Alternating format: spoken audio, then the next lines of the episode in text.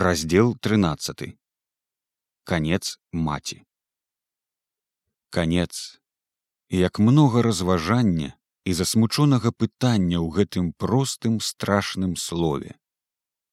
Якуб колас. Ураджай 1917 года быў у віленшчыне надта кепскі. У некаторых месцах быў нават недарод у пачатку восені калі звычайна прадуктаў на рынку з'яўляецца болей і цены на іх зніжаюцца у гэтым годзе наадварот. Голад пачаў даходзіць да таго што бедната ела ўжо сабак кошак і нават пацукоў. Пакаштаваў і я пацучага мяса. Спачатку пайшоў да шпеца па гэтай часці таго дворніка на пагулянцы што некалі быў майстрам у майго дзядзькі юзя казала што неяк сустрэла яго і ён хваліўся што пацукамі толькі і жыве. Пайшоў я да яго. Ды яго ўжо не было памёр з тыдзень таму. Свежаваў пацука яго сын таксама шавец а цяпер асенізатар бочки вазіў начою ў гарадскім абозе. Калісьці былі мы з ім троху знаёмы. Сканфузіўся ён паласуючы пацука потым расказаў пра бацьку што пахавалі дзякуй пану богу не будзе болей мучыцца і з наўмысным бесклапоццем кажа навучаючы мяне як гэтая аперацыя робіцца. Нічога добра вымачыўшы і пасалёмшы есці можна нават без хлеба. Любовае мяса! Пагаварылі мы пра палітыку пра рэвалюцыю ў рассіі ён упэўнена дадаў канчаючы работу. Пацярпім яшчэ троху. Яны прыйдуць сюды. Будзем есці і свінінку і цялятінку і курацінку Наўчыўшыся ў яго як трэба абдзіраць і гатаваць прыйшоў я дамоў расставіў пасткі дзён пяць ніводзін не ў лес. Нарэшце злавіў старога лысага аблезлага дурня капканчыкам у пустым дрывяніку, прывабіўшы на падсмажаную ў аліве бабку. Калі ўсе нашы разышліся, абадраў я свайго звера і зварыў. Не паспеў паднесці да губы, як ужо ўзяло мяне на ваніты. І есці хочацца, і становіцца калом у горле, выварочвае назад ад думкі, што гэта паскудства. Яшчэ і не з'еў а ўжо здаецца што сядзіць ува мне ў брусе жывы пацук распірае мяне. І спалохаўся што будзе цяпер смярдзець у мяне з рота пацуком на цэлы кіламетр. Але потым пераадоляў я свае прыраджоныя прыхамаці разважаннямі. Ці не ўсё роўна якое мяса разважанні падмацоўваліся нецярпімым жаданнем есці такая была корць на яду што жорбы і жор здаецца бясконца што не пападзіся ў рот і патрошку прызвычаіў я сябе да гэтае новыя стравы.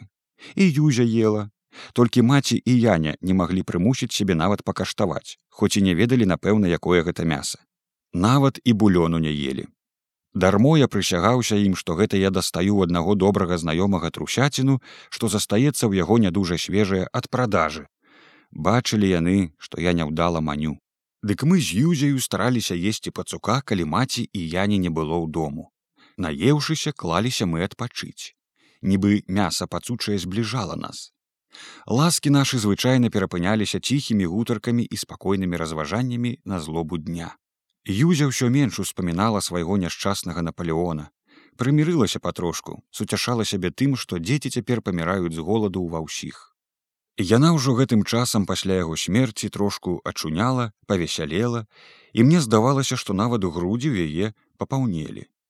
Я пакорна слухаў, калі яна апавядала мне, у каго цяпер з нашых знаёмых скора памрэ чарговае дзіця, а ў каго стары бацька або маці.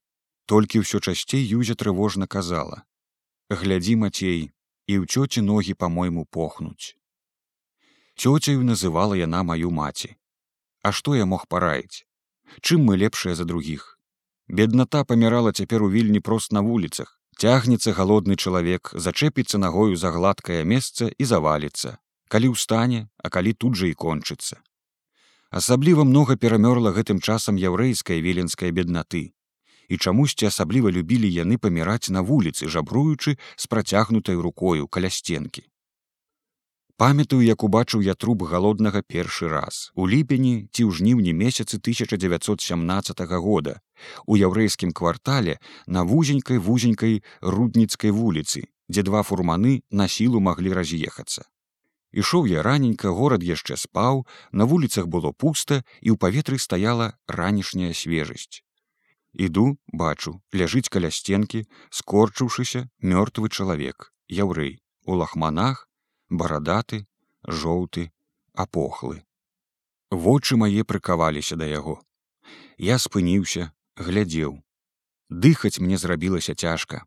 Сэрца сціснулася, але пастаяў і пайшоў сваёю дарогаю думаючы ці гэта ён усю ноч тут ляжаў ці сёння ўжо выпаў з насонейка між іншым яўрэйская дэлегацыя здаецца па ініцыятыве доктара сіяніста махлярчыка энергічнага дзябёлага чалавечка вельмі разумнага хадзіла тады да нямецкага камандавання прасіць дапамогі яўрэйскай беднаце.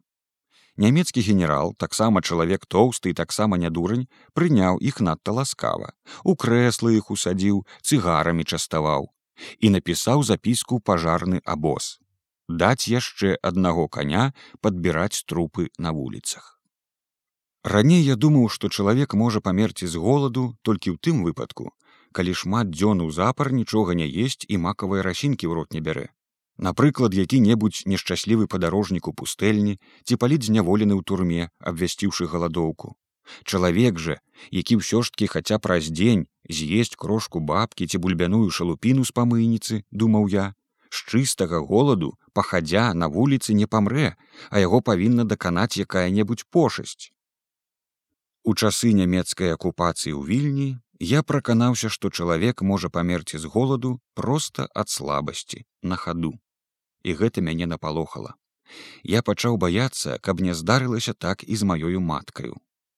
Ногі ў яе пачалі похнуць даўно, але яна ўсё крапілася, маўчала, і мы спачатку думалі, што можа ў яе гэта ад слабога сэрца ці што доўга прастойвае ў касцёле.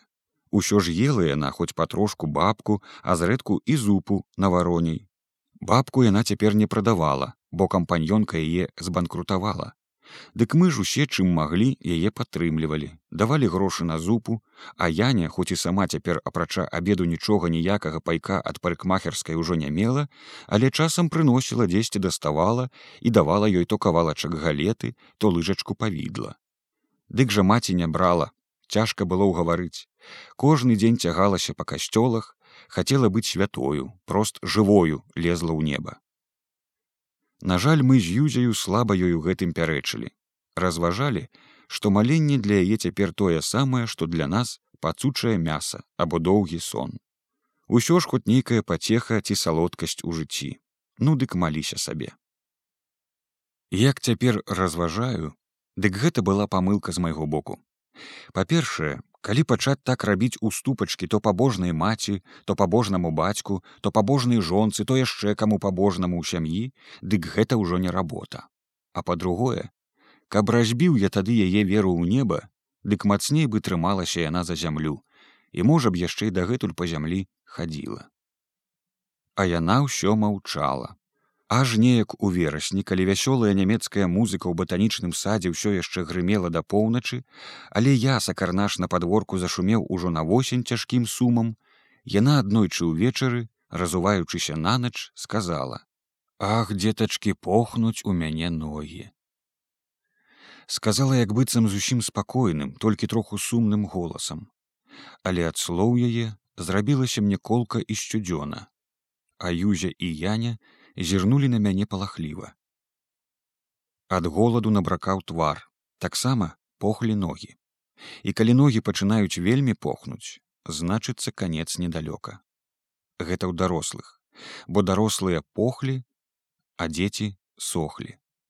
Дзіця ходзіць, ходзіць, сохне, сохне, сінее. Потым толькі сядзіць, як слабенькі дзядок, потым не можа ўжо і сядзець ляжыць скорчыўшыся жалкім шкілецікам у лахманах і кончана я памятаю гэтак уміралі і ўсе перамерлі дзеці ў сталяра дручка што жыў на сніпішках мы з ім разам працавалі ў тышкевіча я часам бываў у яго на кватэры. Цяпер маці часцей пачала ўспамінаць бацьку казала вось не ўгадаеш высылалі яго думалі на пагібель а цяпер ён там можа хоць хлеба мае. Працягнула яна яшчэ месяц, і ткі тое, чаго я баяўся, здарылася. Яшчэ раніцою хадзіла, была на нагах, як звычайна, і нават паплялася ў літоўскую паліклініку паказацца дактарам, што ногі надта апохлі, наліліся вадою як мяшкі, і нават яшчэ так сяк дапаўзла. А ўвечары, калі прыйшоў я з работы, плача юзе над ёю. Падскочыў і я, мама, мама, маўчыць мама і змоўкла назаўсёды